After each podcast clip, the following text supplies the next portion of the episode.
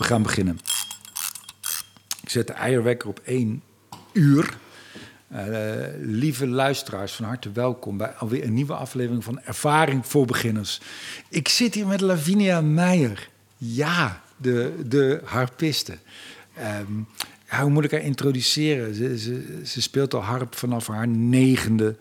Um, ze heeft overal ter wereld gespeeld, tot aan uh, Carnegie Hall. Uh, ze heeft allemaal prijzen genoemd, die ga ik niet allemaal opnoemen, Lavinia. Hoeft ook niet. Nee, hè? En uh, ze zou eigenlijk nu een con concertreeks spelen met Philip Glass en met Iggy Pop. Maar door corona gaat het nu niet door en hopelijk wel in 2021. Lavinia, van harte welkom. Wat leuk dat je er bent. Heel leuk om er te zijn, Theo. Ja. Dank je voor de uitnodiging. En uh, we, we, we, duiken dadelijk diep de materie in. Maar ik wil je nog wel even vertellen, want anders vergeet ik het. Of, of zit het me juist in de weg. Ik heb net echt waar, ik heb net zitten janken om jou in de auto, hier op weg hierheen. Oh. Ik heb echt zitten huilen. Muziek uh, gerelateerd. Nou nee, ja iets, ja, iets wat je vertelde. Ik zat naar een interview te luisteren. En toen vertelde jij dat jij volgens mij in het jaar 2014 in uh, in Korea speelde. En dat jouw vader in de zaal zat. Jij bent geadopteerd toen Klopt, je 2,5 ja, dat was, was. in 2009, was iets eerder. Of 2009, is, sorry. Uh, ja, het voelt nog bijna als de dag van gisteren. En maar nou, wat ik wil vragen is, want jij, jij vertelde zo mooi dat jij, jij, jij zat op het podium en je had jouw vader nog steeds niet ontmoet. Je zou hem na het concert ontmoeten en je wist niet waar hij zat in de zaal. Maar je wist wel dat, dat hij er zat. En ik voelde zijn aanwezigheid enorm. Ja, en ik vroeg me, ik vroeg me zo ja. af van wat, wat deed dat met jou? Wat deed dat met jouw vingers? Wat deed dat met jouw instrument? Wat, wat, wat doet zo'n situatie? Um, er kwam zo'n groot geluksgevoel over me heen. Dat dit het moment, of dat toen het moment was, dat ik na al die jaren hem kon laten zien wat er van zijn dochter terecht was gekomen.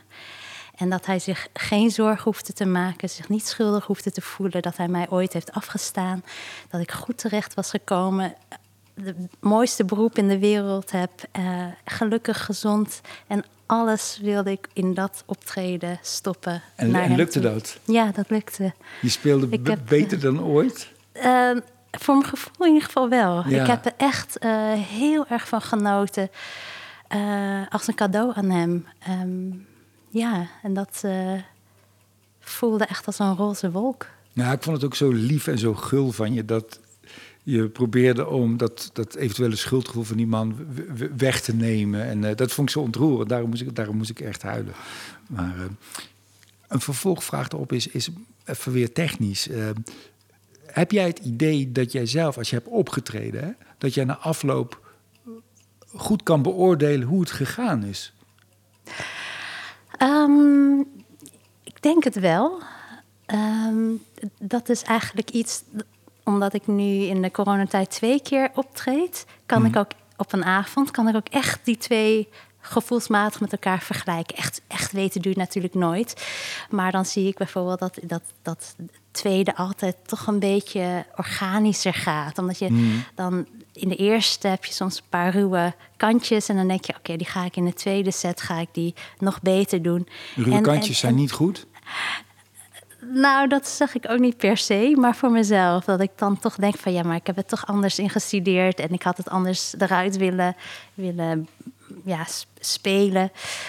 Um, ja, maar tegelijkertijd, en dat is een goed punt dat je zegt, soms is het juist die rauwe kantjes en dat gevoel van um, angst in zekere zin uh, maakt dat je het misschien nog relevanter in dat moment maakt, hmm. laat klinken dan als je heel erg zelfverzekerd bent en denk van uh, patsboem, ik, uh, ik knal hem er doorheen. Daar, daar zit natuurlijk, uh, ja, daar zitten twee wel verschillende kanten aan. Niet dat ik dat laatste probeer te doen, hè, dat knallen. Maar het is ook wel juist dat ik dan misschien nog meer durf om de stilte te laten klinken. Nog zachter durf te spelen. Nog meer, ja, te kleuren. Ja. En, en, wat is? Want die stilte snap ik heel goed. Dat geldt voor comedians ook. Mensen zeggen dat best wel vaak tegen mij. Na een voorstelling, dan heb ik heel hard zitten werken om goede teksten te maken. En dan zeggen ze, Theo, weet je wat ik zo mooi vind bij jou? Nou, die stiltes. Ja.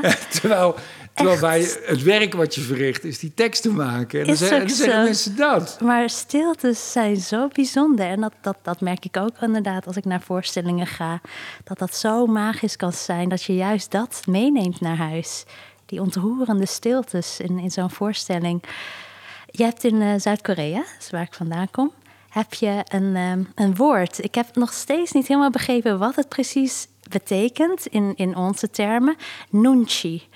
En dat is ehm, bijna alsof je vanuit een meditatieve staat een ruimte binnenkomt. En iedereen kan aftasten, iedereen kan eh, aanvoelen. En daardoor jezelf ook daarin kan plaatsen in het geheel. En daardoor niet buiten de boot gaat vallen, of rare dingen gaat doen. Dat je echt gewoon onderdeel wordt van, van het geheel. En dat is misschien ook eh, met, met, met optreden zo. Dat je de ene keer voel je je meer Ehm, ja, je, eh, zelfverzekerd, zodat je je open kan stellen voor wat er om je heen gebeurt. Ja. En daarop in kan spelen. Jij dan met je woorden, Ja. ik dan met mijn spel. Ja, ik denk dat onzekerheid maakt dat je gaat afvragen... wat vinden zij van mij? En Ja. eigenlijk is dat...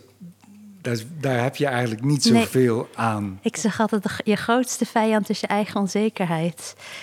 Ehm, dat kan heel erg in de weg gaan staan. En je moet juist jezelf helemaal openstellen. Ik heb zelf een soort ja, gedachte die ik langs laat komen voor een optreden als ik of gespannen ben of moe of afgeleid. Dat ik denk van ja, ik moet straks gewoon presteren en alles moet wegvallen behalve de muziek. Want Hoe lang die- is dit voordat je moet gaan optreden? Als je acht uur moet optreden... Ehm, dat kan tien minuten van tevoren, vijf Ja. minuten zelfs. Ik heb sowieso een soort ritueeltje waar ik ehm, met ademhalingsoefeningen mezelf eigenlijk op, op een hele gelukkige plek ergens in de wereld begeef. Kan ook eh, een fantasieplek zijn. Ehm, waar geen tijdsdruk is, waar geen omgevingsdruk is, waar ik me dus helemaal vrij kan voelen. En, en, en niet van, oh, ik moet straks presteren, maar juist dat geluksgevoel ook, nou, misschien wat je ook als je verliefd, hebt, eh, verliefd bent hebt, om dat op te wekken. Maar tegelijkertijd vraag ik me ook dan af, wat als dit mijn laatste dag op aarde zou zijn, Hmm. vandaag, en dit zou het afronden? Ben ik dan op mijn plek? En dan komt het antwoord altijd in een ja op mij af. Ja, dan, dit is wat ik het liefst doe. En dat maakt mijzelf heel erg bewust van het moment waar ik in zit. En dat ik er alles uit wil halen. Eh, en dat helpt mij eh, enorm Ja. om dan je ook open te stellen en ook voor gaan en niet bang te zijn. Want dat is een maffe te- tegenstelling, hè? Dat je om optimaal te presteren als performer... en heel ontspannen moet zijn... en heel eh, geconcentreerd. Ja, ja, feel free but focused. Dat is, ja, dat kwam ik tegen. Dat is een soort motto. motto. van jou, hè? ja. Heb ik trouwens van uh, danschoreografen overgenomen. Ja. Want uh, ja, met dansers die hebben natuurlijk ook uh, bepaalde choreografieregels waar ze zich aan moeten houden. Maar tegelijkertijd moeten ze spelen met de ruimte. Dat heb ik uh, toen ik met Lino Rubana een project deed, moderne dansgroep, heb ik, heb ik dat geleerd. Maar ja, waar, waar moet je meer je best voor doen voor een optreden? Om je, moet je je best doen om je te ontspannen? Of moet je je best doen om je te focussen? Um, nou, het grappige is, ik, ik heb dus heel veel concoursen gedaan. Al sinds jonge leeftijd. En, en een concours, is dat ook meteen een wedstrijd? Dat is echt een wedstrijd, inderdaad. Met, met en... verschillende rondes, voorrondes, halve finale, finale. En je wordt gemeten met andere muzici, wat eigenlijk iets heel raars is. Want met ja, andere instrumenten je, ook? Ja, ja, soms ook uh, soms in jezelfde categorie met andere harpen, harpisten. Uh, maar andere keren ook met, met ja, appels en peren binnen de ja. muziekwereld. Um, en toen ging ik me inderdaad heel erg afvragen op een gegeven moment: wat is de perfecte voorbereiding voor mm. zo'n optreden? En ik heb verschillende dingen uitgeprobeerd. Ik heb heel erg in de partituur en de noten uh, zitten lezen uh, voordat ik op moest. Uh, ik heb allemaal ja, andere oefeningen gedaan. Maar toch werkte dat niet helemaal goed voor mij. En toen kreeg ik, ik weet niet hoe lang geleden dit al is, best wel lang geleden, kreeg ik een blessure aan mijn vinger. Echt van het spelen.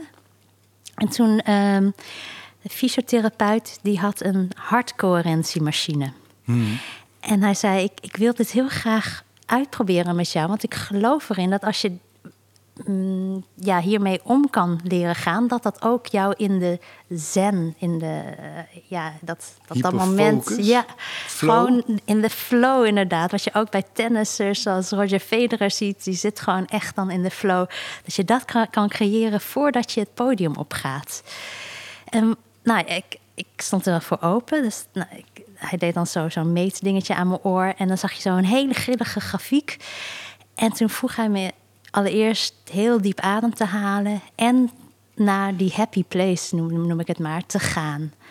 En, en van daaruit inderdaad een, een combinatie te voelen van ontspanning, van geluk, van dankbaarheid en van plezier. Het is echt een soort van mix, een cocktail van al die verschillende e- gevoelens.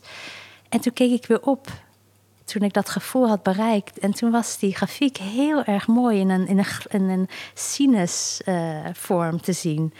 En toen hebben we dat in een tiental sessies hebben we dat geprobeerd om zo snel mogelijk dat op te wekken. En hij zei, als je dat kan voor een optreden, dan zit je dus al in die flow. En toen heb ik het daadwerkelijk... Ik, ik zat toen daarna, ehm, volgens mij bij Kunststof TV... Eh, moest ik ook aan tafel zitten. Dat vind ik altijd een beetje eng, omdat je dan, ja, ik wil me op mijn muziek focussen, maar tegelijkertijd moet je ook onderdeel zijn van het gesprek. En vijf minuten voordat ik aan tafel moest, heb ik me even opgesloten in de, in de wc en die oefening gedaan. En echt binnen een halve minuut zat ik erin. En ik liep eruit en, en ik heb zo genoten van die uitzending. Kunnen we hem doen, die oefening nu, samen, of gaat het niet? Nou, ja, we hebben natuurlijk niet die hartcoherentie eh, meting bij, bij, Nee. bij ons. Maar ja, ik, ik, kan, ik kan het met je delen Ja, wat ik graag. doe. Dus ehm, nou, normaal ga ik dan staan. Ik zit nu, maar eh, normaal. En dan ga ik even heel goed de grond om, onder mijn voeten voelen. En je ziet natuurlijk nu de vloer van, van To- Toemler, waar we zitten. Zeg je Toemler of? Mhm. Toemler. Ja, ja. Ehm, en dan stel je je voor waar je dan ook je geluksplek hebt. Hoef je, hoef je niet te delen. Dat, dat, dat je daar vanuit de grond af aan dat opbouwt om je heen. Dus dat je dat eerst op de grond ziet en dan om je heen. En dan dat je ogen steeds wijder gaat en je ook echt je op die plek begeeft. En je, je ruikt gewoon de lucht. Misschien is het ergens in de, in de warme zon. Je voelt de zon. Eh, als het buiten is, de vogels, de bossen, de dieren. En je voelt je eigenlijk gewoon onderdeel van iets veel groters dan je eigen kleine bubbel waarin je je eigenlijk bevindt. En misschien is het dat het gevoel, dat, dat gevoel van nietigheid, van de wereld gaat gewoon door. En er zijn, zulke prachtige dingen die er gebeuren. En ik ben daar maar een heel klein schakeltje in. Nou, dat geeft mij een heel rustig, vredig gevoel. Mooi. Het is mooi wat je zegt. Eh, vorige week was hier Wende Snijders en die vertelde ook zo mooi dat naarmate zij langer op het podium staat, het haar steeds meer lukt om er zelf tussenuit te gaan. Tussen het lied en het publiek. En dat zij steeds minder prominent is, maar dat zij meer een. Ja, het lijkt een beetje alsof je zegt van dat je door hebt dat je onderdeel van, Ja. bent van het probleem. Dat het niet per se een one-woman show is, maar dat Nee. het meer is dan dat. Ja. En dat je daardoor misschien ook beter in staat bent om te communiceren. Dat is heel mooi, ja. Want op het moment dat je juist in die flow zit... Ja, dan ben je niet bezig met... eh, zit mijn haar goed of, of, of, of eh, staat mijn kruk goed. Het is gewoon Ja. allemaal één geheel. En wie zit er in de zaal? en Hoe staat het licht? En, Jan Mulder, daar moet ik aan denken. Dat is een eh, oud voetballer, ik weet niet of je hem kent. ja, En die zei wat de beste voorbereiding is voor een voetbalteam, is brand in de bus. Dus iets wat helemaal niks met die Ja, wedstrijd te ja, maken heeft. ja, Juist dat je er even niet mee bezig bent. begrijp en het. dat je, dat, ah, ah, je rent op, en je kleed je om, je gaat, je gaat eh, het veld in en je speelt. Je? Dat mensen vaak natuurlijk ook over, overgefocust zijn. Dat en was toen ook bij. Krajcek, toch? In de finale eh, van een van die grote Grand Slams. Dat die naakte vrouw op kwam Ja, rennen. ja, Dat dat precies. zo eh, zijn, Ja. zijn, zijn Toen zenuwen... lachen. Ja. En toen heeft hij, hij heeft hem gewonnen. Ja, ja. Ja, dus in, de- in, de voet, in de voetbalwereld is het ook zo'n bekend verhaal. Dat, dat ik, ik geloof dat het EK in 1992 was. En toen trok Joegoslavië zich terug vanwege de oorlog. En toen hadden ze nog een extra land nodig wat meedeed. Anders was er een land te weinig. Toen hebben ze Denemarken gevraagd. Alleen al die jongens waren al op vakantie. Die lagen op het strand. Dus al die andere teams die hadden een voorbereiding gedaan met hartslagmeters en training en perfecte conditie, alles gemeten, tactieken waren doorgesproken. Die jongen, die Denen werden van, het, eh, van hun vakantieadres weggehaald en die zijn Europees kampioen geworden. Genoeg slaap, ontspanning en Ja, geen, eh, dat is geen ook weer druk. een hele andere Ja. weg naar de perfecte Ja. eh, voorbereiding. Ja, dat is sowieso wel iets wat ik merk. Ehm, ja, ik, ik heb best wel met, met onzekerheden eh, moeten dealen toen ik ja, koos voor de harp. Het is gewoon niet het meest voor de hand liggende instrument. Is er wel een podium voor.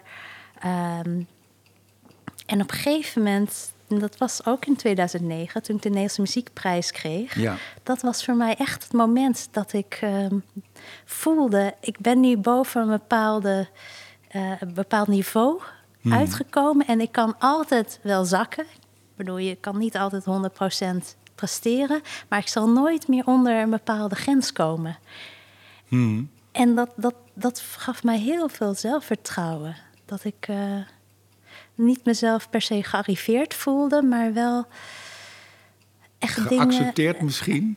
Ja, of erkend eh, en daarmee eh, ja, dacht van, ja, dit is gewoon een nieuw hoofdstuk wat je, wat je begint. Ik weet niet of jij een specifiek moment Ja, kent. nee, volgens dat mij is dat in zijn algemeenheid geldt het voor elke Ja. artiest dat er een moment komt waarop je voldoende erkenning hebt of dat je, dat je voelt dat je bestaansrecht hebt Mm. op die plek en dat je daar niet meer zo hard voor hoeft te knokken en dat je die energie in iets anders kan steken wat constructiever is en wat veel meer te maken heeft met dat wat je wil vertellen of dat wat je wil doen. Ja, ja ik denk dat het algemeen, algemeen geldend is. En dus als dat er helem- helemaal niet is, is dat ook een beetje raar. En als je dat niet, punt niet bereikt, dan dat lijkt me ook heel vermoeiend. Want dan blijf je alleen maar vragen, vind mij leuk, vind mij goed, vind mij Ja, de moeite waard. ja nou, eigenlijk is 2009 voor mij echt wel een, een, een belangrijk jaar geweest. Zowel met een ontmoeting van mijn, met mijn biologische vader als de Nederlandse Muziekprijs.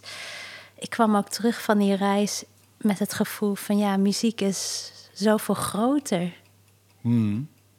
Ik heb eh, als, als ja, kind, tiener, heb ik mezelf het doel gesteld dat ik de harp als solo-instrument bekender wilde maken bij het brede publiek. Omdat Dat is was toch, nog hoe, veel te- wat is dat? Hoe kan dat in je hoofd zitten? Dat is toch raar als meisje van 12 of zo. Hoe oud was je toen? Of 14? Dat je dat dan denkt Ja. of vindt. Wie denkt dat nou? Ja, Dat is ik- heel raar. nou, En er is niks mis met raar. Ik bedoel dat niet als negatief. Maar dat is wel heel apart. Ja, ik her- herinner me nog heel goed. Ik was toen een jaar 15. Toen belde een programmeur mij op of ik in een kerkje wilde spelen. Maar hij zei erbij, wil je dan wel een, een fluitist of een violist of wie dan ook meenemen? Want harp alleen is wel heel erg saai.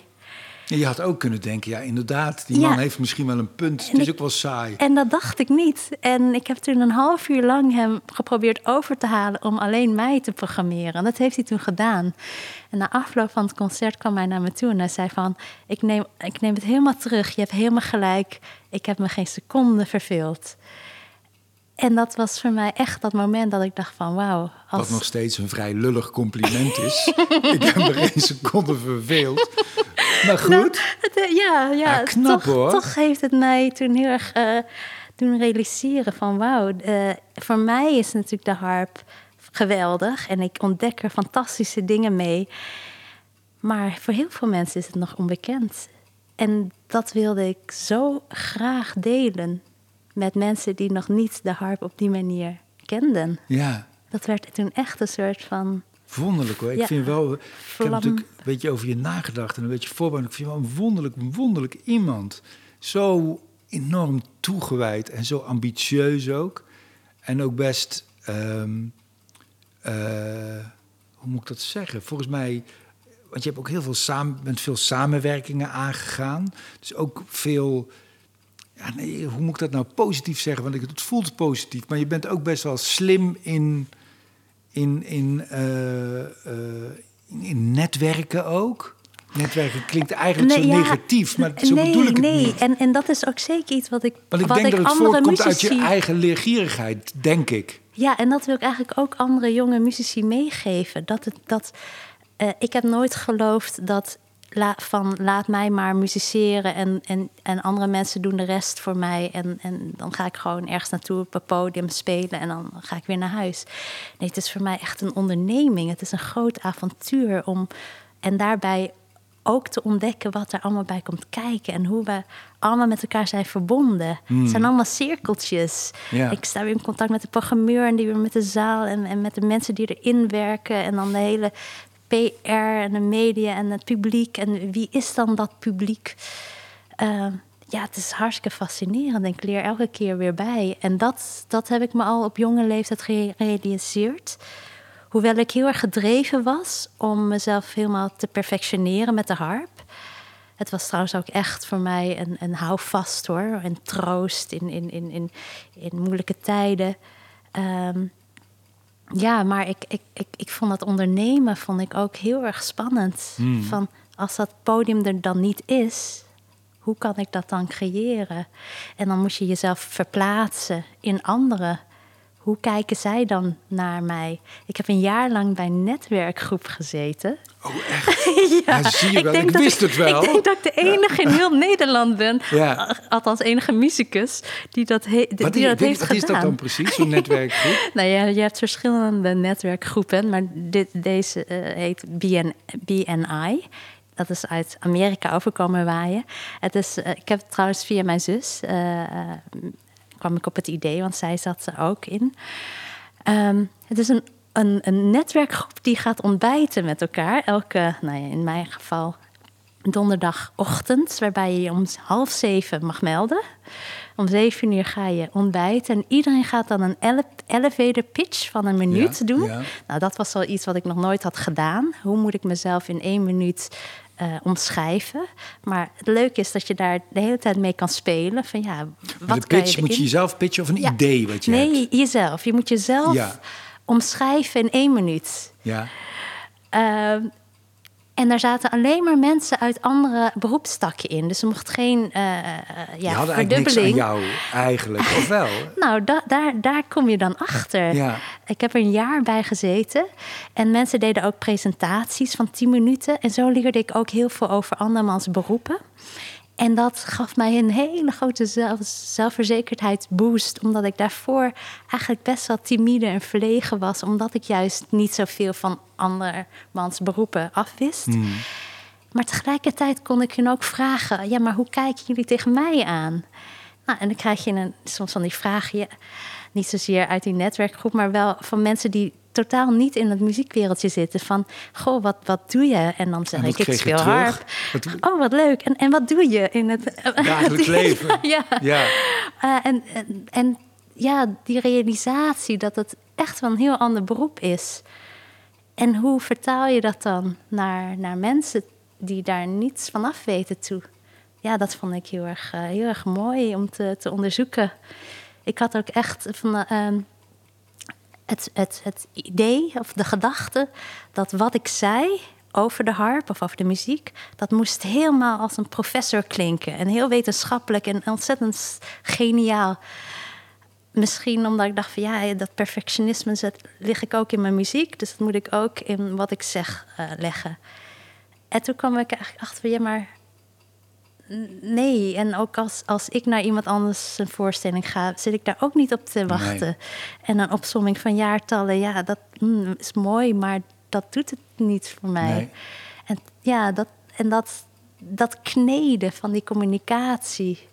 Dus dat, Dat heb je echt echt ook, mooi. net zoals jij hebt geleerd, stapje voor stapje. En door al die uren om de harp te spelen, heb je ook geleerd om, om te kunnen pitchen, om daarover te kunnen praten. Om te kunnen, Ja. En misschien ook daardoor door tot, de kern te komen wat je nou eigenlijk wil en Ja. waarom je dat doet. Ja, ik heb één keer, dat, toen was ik net afgestudeerd, heb ik eh, een coach genomen.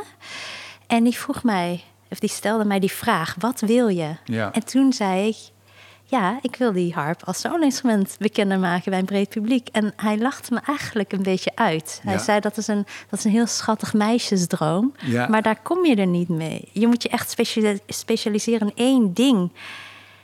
En op dat moment heb ik dat niet gevolgd. Echt gewoon uit het raam gegooid, dat advies. Heel goed. En het bracht ja. mij juist dichter bij mezelf. Ja. Dat, ik, dat ik wist van nee, maar dit is misschien een meisjesdroom. Maar het heeft me al heel ver gebracht en het gaat me nog veel verder brengen. Wat verdomme man, wat een drive. Wat, wat, wat- en wat een vertrouwen ook. Want je kan ook denken, van, ja, wie ben ik nou, wie ben ik nou om de harp... Ja, toch? Ja, ja, nou ja. Dat zou heel snel ko- het werd- kunnen komen naar de gedachte van, dat is wat ik wil. Ja, nou ja, soms voel ik me ook een beetje een profeet hoor. Ja. Die, eh, die zo ontzettend gelooft in, in, in, in, dat instrument. En wat, je- En wat Jezus had met, met, met naaste liefde, heb jij met de harp. De harp, ja. En dat verbinden van de harp met de wereld om me heen. Ja, dat is echt iets wat ik al van jongs, jongs af aan wilde doen. Misschien juist doordat de harp zo'n eenzijdig imago had. Van, van, van een, ja, soms het, werd het heel erg als een achtergrondinstrument Liefelijk. lieflijk, eh, kabbelende muziek, eh, engel, engeltjes. Fijn om bij gemasseerd te worden. Precies.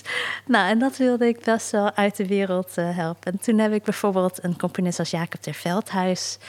Eh, ja, die, die heeft toen een, een stuk van mij geschreven, gebaseerd op drugsverslaafde vrouwen uit New York. Ik heb daar een stukje over gehoord, ja. Ja, Heavy en, shit. En die, die vloeken en ik Ja. moest meetieren. En ja, dat was, dat was een heel heftig stuk, maar wel heel erg fijn om dat te kunnen doen. Ik heb trouwens, en dat, dat, is, dat is wel echt een hele belangrijk... Hij is heel belangrijk geweest in mijn ontwikkeling. Ehm, dat is Hans Heg. Hij Wat is je van hem 30, geleerd? 30 jaar lang muziekrecensent bij de Volkskrant geweest. Ja. Ik heb hem ontmoet vlak voordat ik mijn master afronde aan het Amsterdamse Conservatorium. In hem zag ik iemand die zoveel kennis in huis heeft, echt een wandelende encyclopedie, en die volledig in mij geloofde. Hij heeft mij ook aangespoord om auditie te doen voor de Nederlandse Muziekprijs. Ik zei tegen hem van nee, dat kan ik niet. Wil, eh, eh, eh, dat lukt me niet. En, en sowieso zijn er al best wel veel harpisten voor mij geweest die die prijs hebben ontvangen. Dus ik maak geen, geen kans. Nou, toen heb ik het toch gedaan. Nou ja, en het is allemaal goed, goed gegaan. Maar dat is één voorbeeld van ehm, de momenten waarop En hij. heb je daar iets voor gedaan? Want ik heb ook zo iemand gehad. Hè? Ik heb ook een docent gehad op de theateropleiding. Ik kon heel veel dingen niet. Ik kon niet goed dansen. Ik kon niet goed zingen.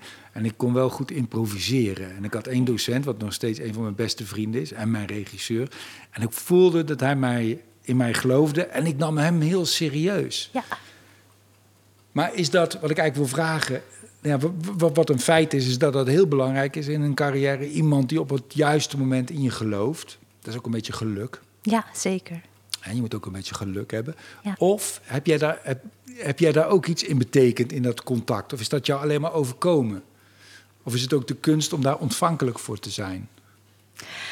Oh, nou, los van, van, van, van hiervan denk ik sowieso dat een bepaalde openheid in het leven je dingen zal brengen. Eerder dan, laat ik het zo zeggen. Ik denk dat er best wel met regelmaat mogelijkheden op ons pad komt. Eh, maar als je je niet voor openstelt, zul je ze niet zien. Nou, Hans was iemand die ik. We hebben gemeenschappelijke vrienden. Dus zo, het kwam eigenlijk via die vrienden kwam hij op mijn pad. Maar ja, eh, ik stond gelijk helemaal open voor hem. En ik, en ik nam alles wat hij zei helemaal aan. En, en hij, hij kon ook echt kritiek leveren, maar ik kon het allemaal hebben van hem. En, en zo heeft hij mij echt heel erg veel geleerd. Ehm, hij was zo'n een fijne steun in de rug. Ook als hij naar, naar optredens van mij kwam. En hij is echt heel vaak geweest. Hij, hij is zelfs meegegaan naar Carnegie Hall in New York toen ik daar optrad.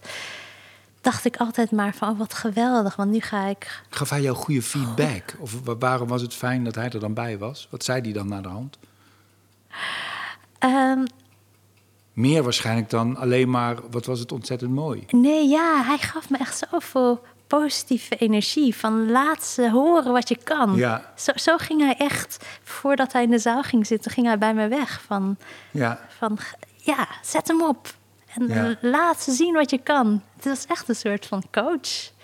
En mentor en adviseur. En, en hij heeft mij ook onder meer in contact gebracht met Philip Glass. Ook Ja. via een andere gemeenschappelijk vriend, Rob Malash. Eh, maar dat was ook zo'n moment waar, waarbij hij zei van... "Goh, Goh, zou je niet eens een keer iets met Philip Glass en muziek willen doen?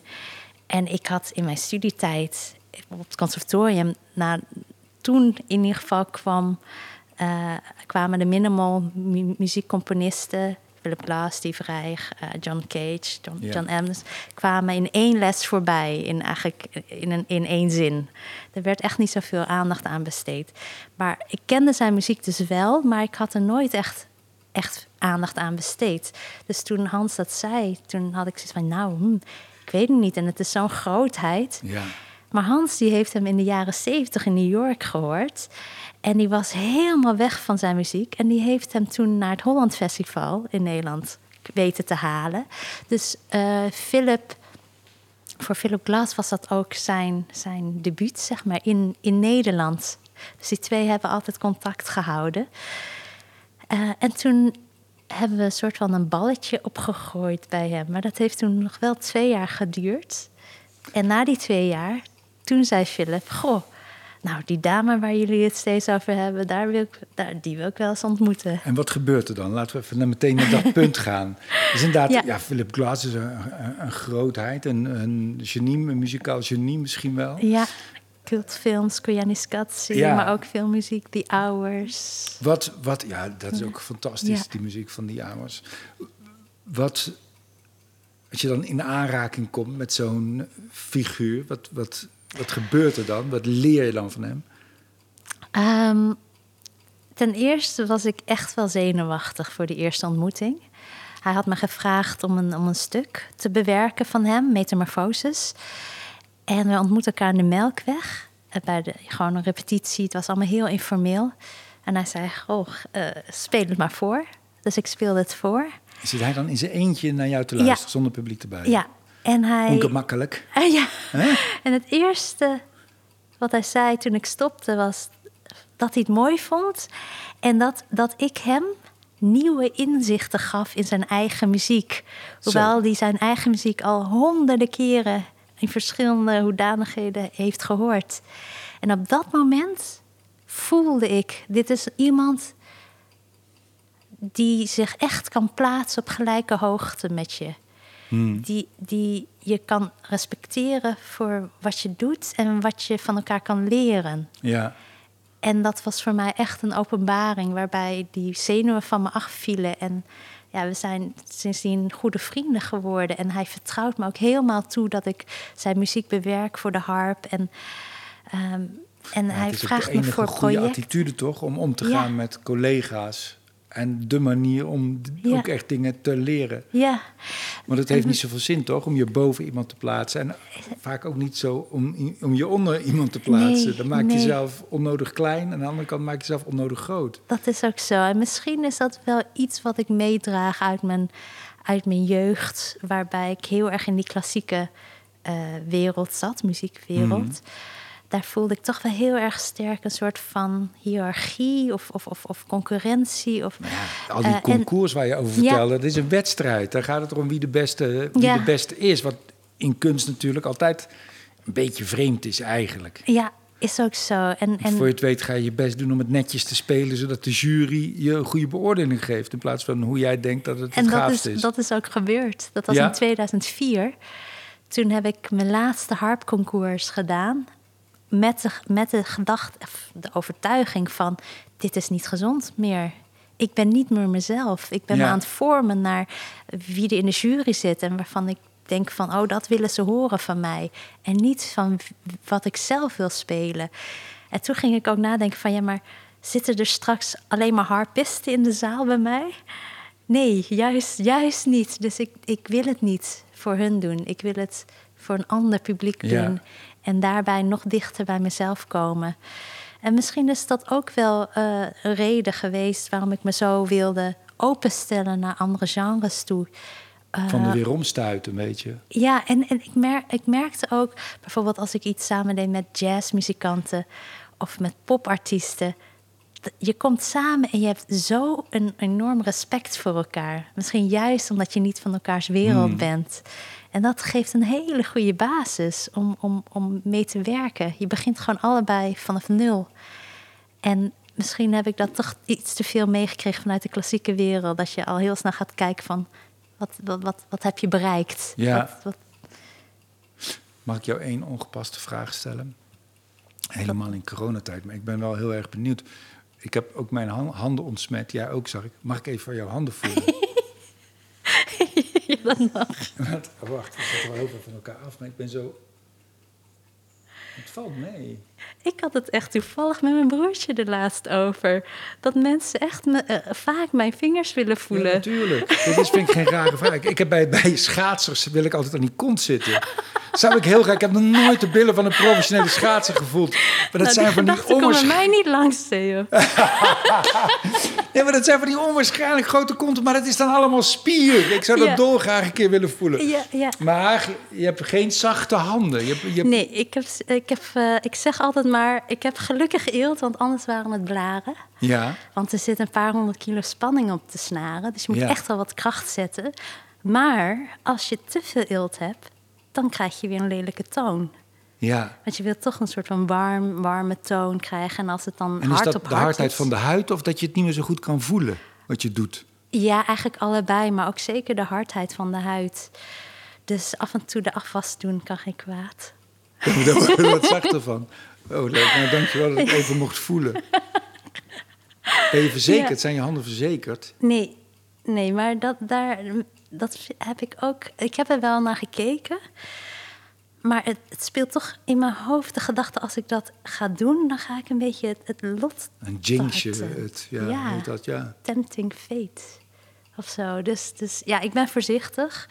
Maar ik, ik snij wel af en toe een uitje. Maar dan let ik wel op. En je, je helpt wel mensen, vriendinnen moeten verhuizen. Ga je tellen? Ja, ja, ja, misschien niet al te verstandig. Ik ken ook muzici die echt totaal niks eh, durven te tillen.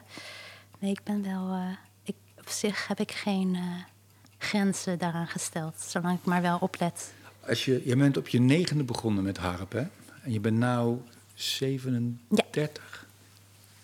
Best wel lang al, ook al een carrière van bijna 30 jaar. Echt, ja. Hoe, hoe gaat die lijn? Word je nog word je steeds, word je steeds beter? Of, zijn er, of is het een, een golfbeweging die je, die je maakt, als je het zo kan beoordelen? Ja, dat betere, hè, dat, is, dat is weer van wat is nou beter. Ja. Ehm, ik krijg het terug van het publiek. Ehm, maar tegelijkertijd weet ik het ook niet. Het is, ik heb altijd het gevoel gehad dat mijn leven en de muziek zo parallel aan elkaar lopen. Maar ook echt op momenten dat de muziek mij heel erg leidt. Ehm, ik denk zolang ik. Ja, Zit je, Eh, eh, zit je gooi- technisch gezien aan je optimum? Kun je technisch gezien nog beter worden?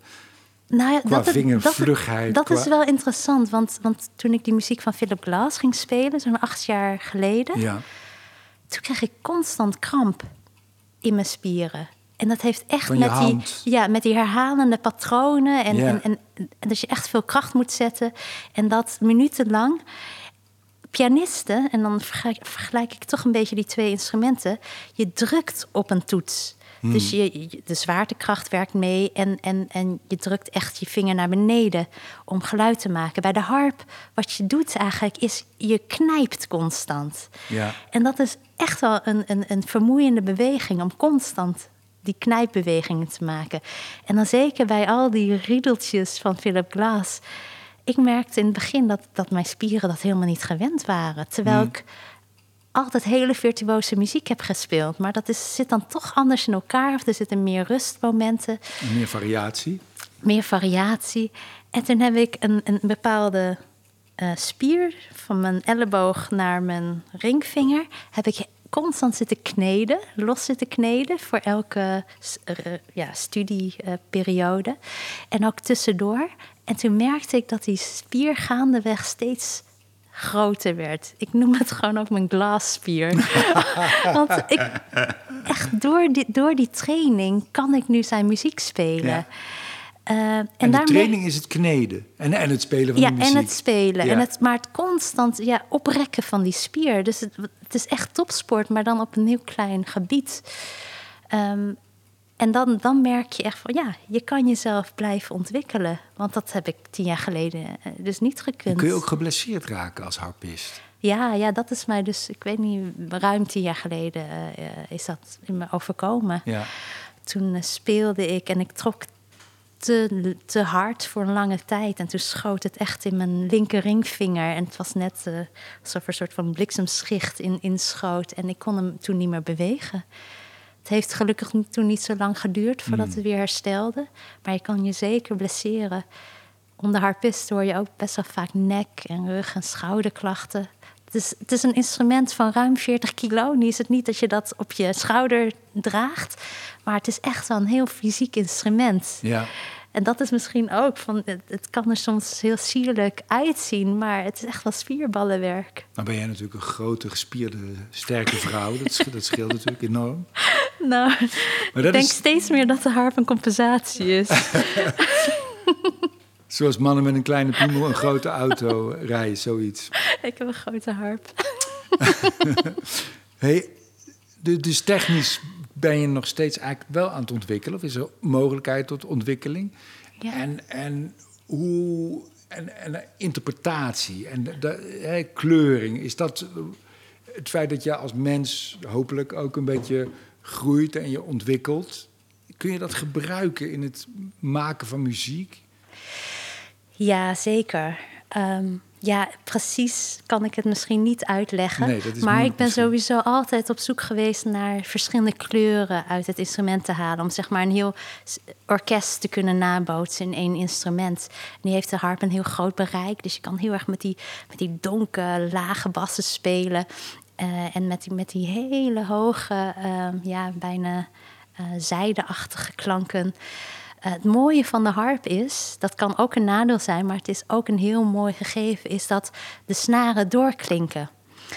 En ehm, je kan heel veel boventonen creëren met het instrument. Zodat als je maar één snaar aan... Een aan boventoon is een toon die een octaaf Ja, erboven zit, toch? Of het, niet? het is zowel de octaaf erboven als dan de kwint daar weer boven als de kwart. Het, het, het loopt helemaal op, waardoor je... En dat komt heel goed tot zijn recht in de muziek van Philip Glass. Juist doordat hij het heel transparant schrijft... kan je met de harp voornamelijk heel veel kleuren toevoegen... doordat die boventonen mee gaan resoneren. Daardoor krijgt het een heel vol, vol karakter. Wat zijn kleuren? Want kleur is niet geel, blauw, groen. Wat, wat, wat is daar een Hm. ander woord voor? Nou, het is grappig, want sommige mensen heb ik, heb ik begrepen die heel erg visueel zijn ingesteld, die kunnen bij het horen van muziek echt kleur zien, kleuren zien.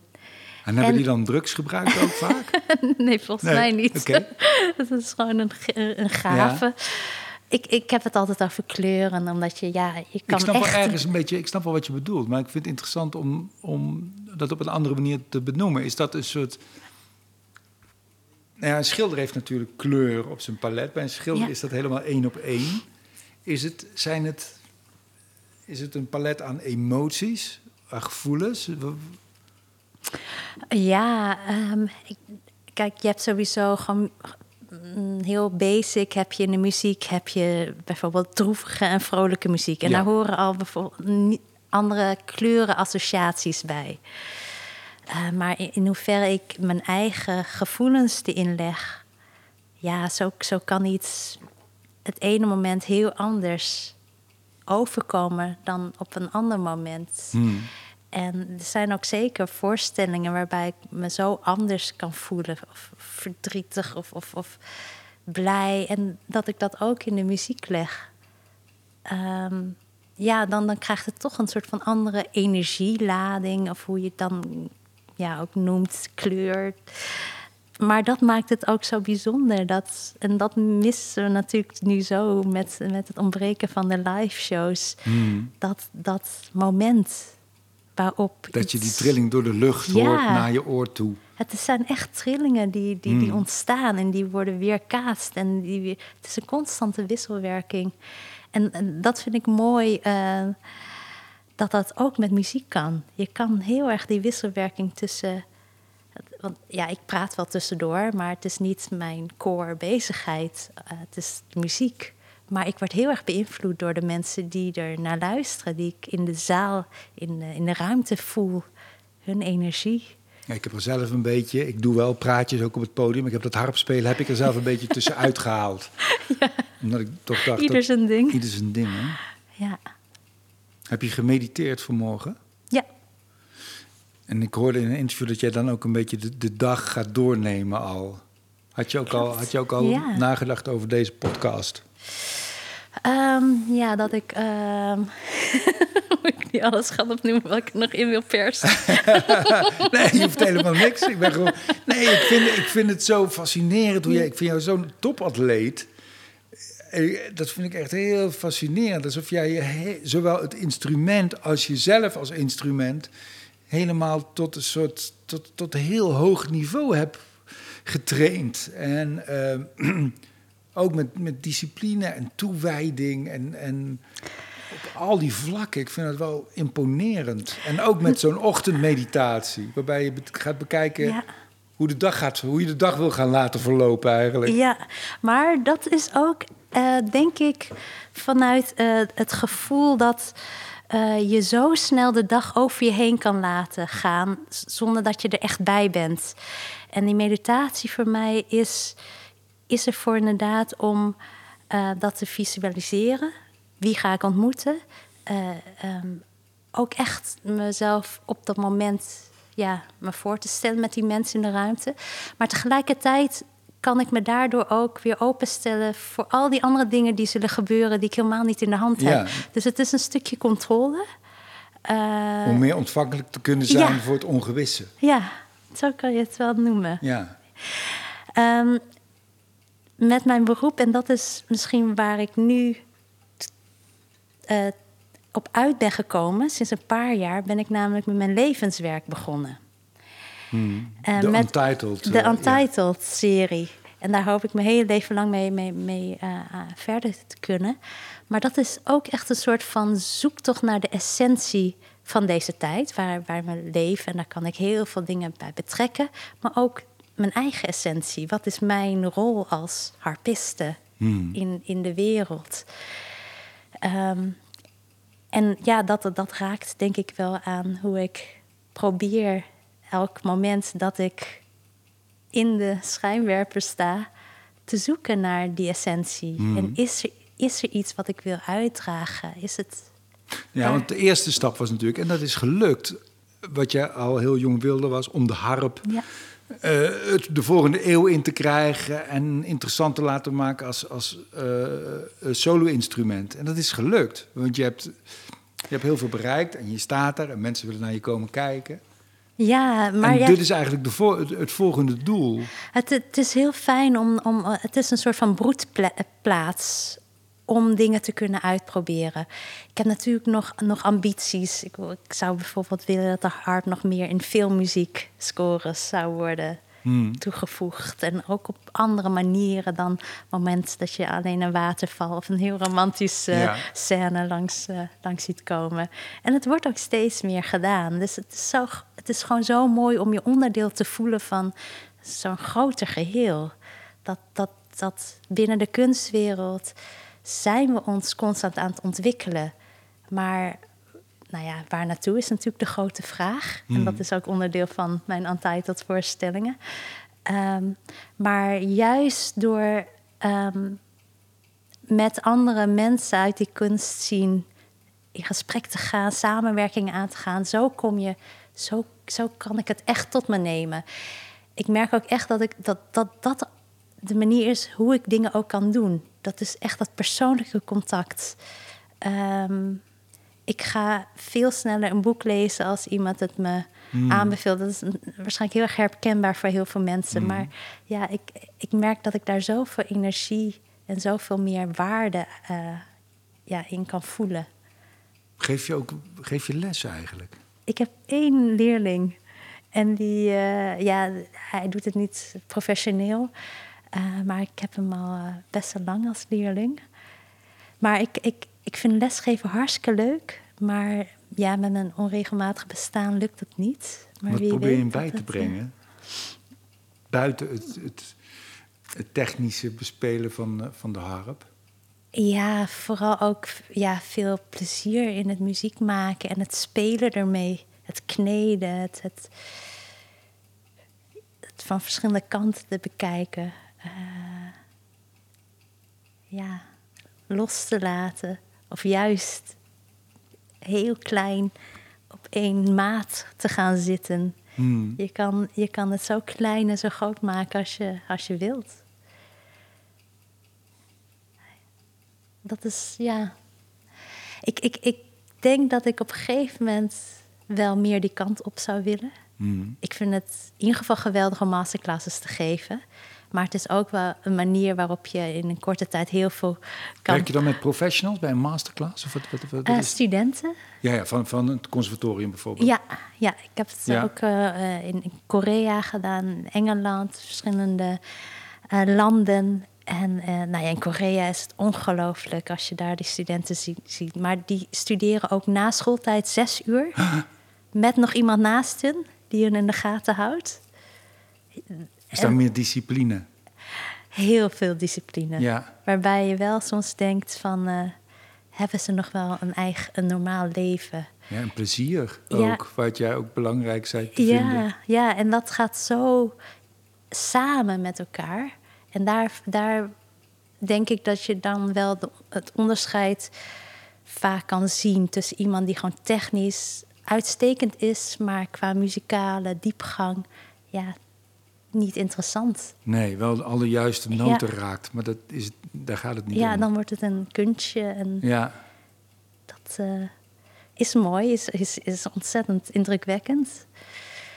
Maar ik, eh, ja, mag ik, mag ik een reactie eh, vertellen over toen ik vlak voor de lockdown was ik in Rusland? je mag, je mag alles vertellen, ja, tuurlijk. Dat is sowieso een land. Die mensen zijn zo emotioneel. Of die hebben zo, zulke diepe gevoelens. Er was een man die schreef mij een brief na afloop van het concert. En hij verontschuldigde, verontschuldigde zich dat hij niet zo goed Engels kon. Maar het was een soort van gedicht.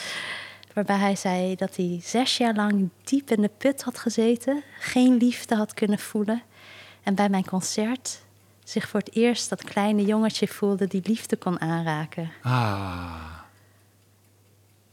ja, dat zijn van die momenten, dan, dan, dat is zo de essentie van klinkt waarom ook als ik... een hele goede versierpoging nee, van die gast. nee, nee, Heb je iets dat met hem gehad ik niet. daarna? Nee, nee, nee, nee. Oké.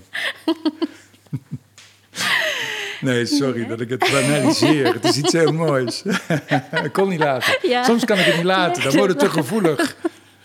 Nee, maar het is heel mooi wat je vertelt. Maar dat heb jij ook vast wel. Dat, dat ondanks het lachen ook echt Ja, dat is op een heel ander niveau. En niet op een lager of hoger, zo bedoel ik het niet. Maar muziek... eh, ik denk met muziek kun je zo interpreteren ook eh, als, als luisteraar. En kun je er ook heel erg van maken waar je behoefte Ja. aan hebt en wat je nodig hebt. En dat, dat kan heel troostrijk Ja, eh, zijn. En bij eh, grap is het weer... Ja, dat is gewoon iets anders. Ik hoorde daar volgens mij laatst Anne Enquist over praten. Over het verschil tussen dat je een, een boek lees je eigenlijk niet zo snel nog een keer. Hmm. Maar muziek kan je oneindig vaak luisteren. Ja. Ook omdat die associatie steeds weer zo anders kan zijn, waarschijnlijk. Die... ja, er is ook altijd wel een punt waarop ik het heb grijs gedraaid. Ja, ja, nee, dat, dat herken ik ook. Dat ik dan te gulzig ben geweest Ja. en het te vaak heb beluisterd. Maar dat is dan toch echt wel boven de tien keer in ieder ja, geval. veel vaker. Ja. Als ik iets goed vind, ja. Ja, Ja, dat is helemaal waar, ja. Ja, ik vind het heel interessant, muziek. Ik weet er ook niet zoveel van. Ik hou er wel veel van, maar ik ben helemaal geen ja, kenner dat, of zo. ja, maar dat is het. Je hoeft er ook niks van te Nee, weten. nee. Om er enorm van te kunnen genieten. Ja, Het is voor iedereen. Het is van iedereen. Vind ik zo mooi. Ik las over de harp. Dat er, er is natuurlijk een soort overgang van een pijl en boog Ja, waar dieren mee werden geschoten, al in de prehistorie, of hoe lang, ja. En dat die boog ook een geluid maakte. En dat, dat die gasten ook al met verschillende bogen, die verschillende geluiden maakten, ook gezamenlijk een harp maakten Ja. en, en muziek maakten. Het is zo oer Het ook. is heel erg oer. En ja, de harp die ik nu bespeel is heel complex in de bouw, maar het principe is heel erg basic. Ja, Het is een boog met snaren erop. En je, je speelt het met je blote vingertoppen. En dat heb ik altijd zo fascinerend gevonden van dit instrument. Je omarmt het. Eh, je, je, je maakt direct het, de klanken. Het is niet zoals bij een piano... dat ergens verderop die hamertjes erop slaan. En, Hmm. Ja, en zelfs, direct, ja. en zelfs bij viool vond ik van... ja, er zit er dan toch zo'n zo'n bow, zo'n eh, strijkstok tussen... violisten zijn losers, laten we eerlijk zijn. Nee, nee, dat is het niet. Nee, ik, ik, ik heb ontzettend respect voor, voor, voor die instrumenten. En maar ehm, ik voelde dat gewoon bij mezelf, dat de harp direct zo duidelijk een verlengstuk van mij was. Ja. En dat verlegen meisje in mij, dat kon, eh, dat kon via de harp, kon het alles. Ja. Toen was ik Daarom vind, ik superwoman. het, daarom vind ik het zo dapper dat je zonder harp hier bent gekomen. Ja, ik voel me ook wel naakt. Ja, het is iets wonderlijks. Man. Ik zat te denken, muziek heeft er ook wel een soort... eh, ja, ik zit maar een beetje hardop te associëren... maar ook bijna iets religieus in die zin... dat het... Dat, dat taal, en daarom, dat is volgens mij ook het verschil tussen muziek en grap. Grapjes, grappen blijven natuurlijk blijft heel talig. En dat hebben we ook nodig om op die manier een beetje vat te krijgen op de wereld. Maar dat is toch beperkt, omdat we zoveel dingen niet snappen en dingen tegenstrijdig zijn. Dan heb je gevoelens en je gedachten. En muziek is ook gewoon echt een andere taal. Waarbij je ook op, op, op, op- bij allerlei dingetjes in jezelf komt. Die, waar je op een andere manier niet komt, maar die wel aangeraakt moeten worden of zo. Ja, ja dat, dat blijft mijzelf ook altijd nog fascineren. Hoe dat inderdaad, het, het, het, het opent gewoon deurtjes waarvan je of niet wist dat je ze had.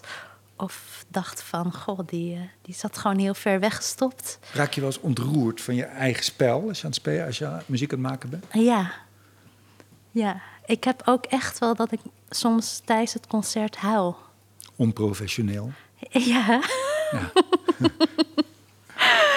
maar het is niet te zien aan me. ja. Maar dat het wel eh, ja, echt heel erg diep gaat. Ehm, het is ook echt zo. Optreden voor mij is gewoon ook echt een soort van in een, in een diepe springen en er dan weer uitkomen. En ik kan me ook heel erg euforisch voelen na Ja. afloop. Eh, dan stuiter ik ook echt nog een tijdje na. Maar het komt gewoon omdat je zoveel geeft en, en, en, en zo je ziel je erin legt. Het is heel heftig En je eigenlijk. verdwijnt ook een beetje even. In ieder geval zo. erv- misschien, ja, ik ervaar het misschien wel anders, maar ik ken het wel van optreden. Dat je, dat heb ik vaak, dat ik de eerste tien minuten, kwartier nog eigenlijk aan het opletten ben. Ben of, of het valt en hoe, hoe het met het publiek gaat en mij. En op een gegeven moment vergeet ik dat. En dan opeens denk ik, oh fuck, ik ben, ik ben hier al. Ja. Drie kwartier later ben ik gewoon, heb ik helemaal niet op zitten letten. Ja, het is echt een trip dan, Ja, hè? ja. Je hebt geen drugs, drugs nodig of wat dan ook. Ga gewoon lekker Ja, voor de bij, voor de bij. voor de... ja, en je hebt ook nog in coronatijd heb je ook nog eh, opgetreden in psychiatrische inrichtingen. Ja, klopt. Ja, ik ben er nu weer mee begonnen. Ehm, heel bijzonder om dat mee te kunnen maken.